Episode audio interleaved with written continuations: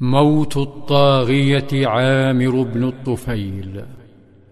بعد قنوت النبي صلى الله عليه وسلم على من غدروا بشبابه حفظه القرآن أصيب الطاغية بن الطفيل بمرض عضال. وصفه صلى الله عليه وسلم بقوله غدة كغدة البعير وسماه بالطاعون. وصف دقيق للطاعون الدبلي الذي يتميز بتضخم العقد الليمفاويه في منطقة الإرب وتحت الإبط.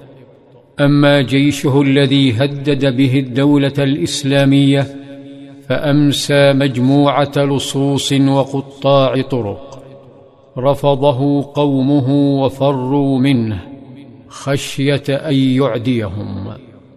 أما دولته التي حلم بحكمها فأصبحت مساحتها لا تتجاوز مساحة غرفة فقد صوابه وصار يصرخ كالمجنون.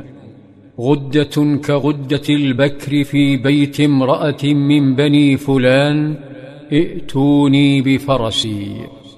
فانطلق بعضهم وأحضر فرسه. ولما أمسك بزمامها ركبها وانطلق هائما تعيسا. قتله حسده وكفره وأصابته دعوات أهل المغدورين.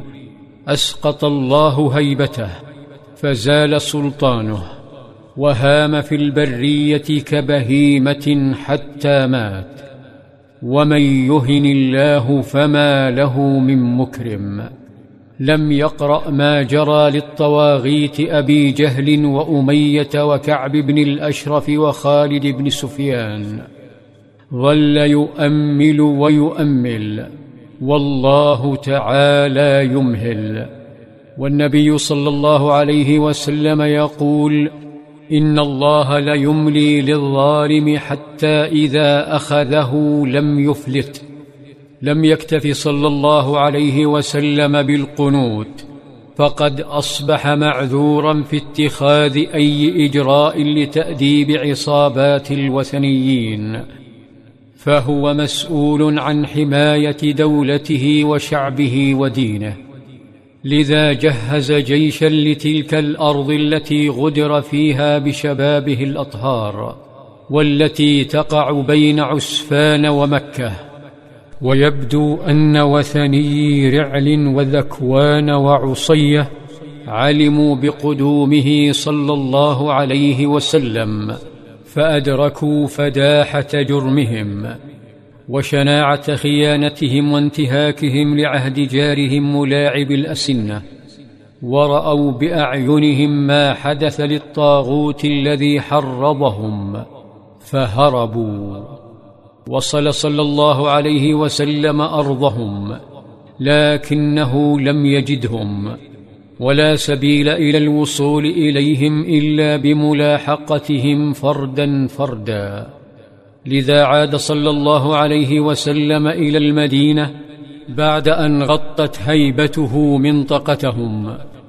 هيبة منحت الاستقرار والهدوء للمدينة هدوء جعل الفتى جابر بن عبد الله يفكر في الزواج من أجل أخواته.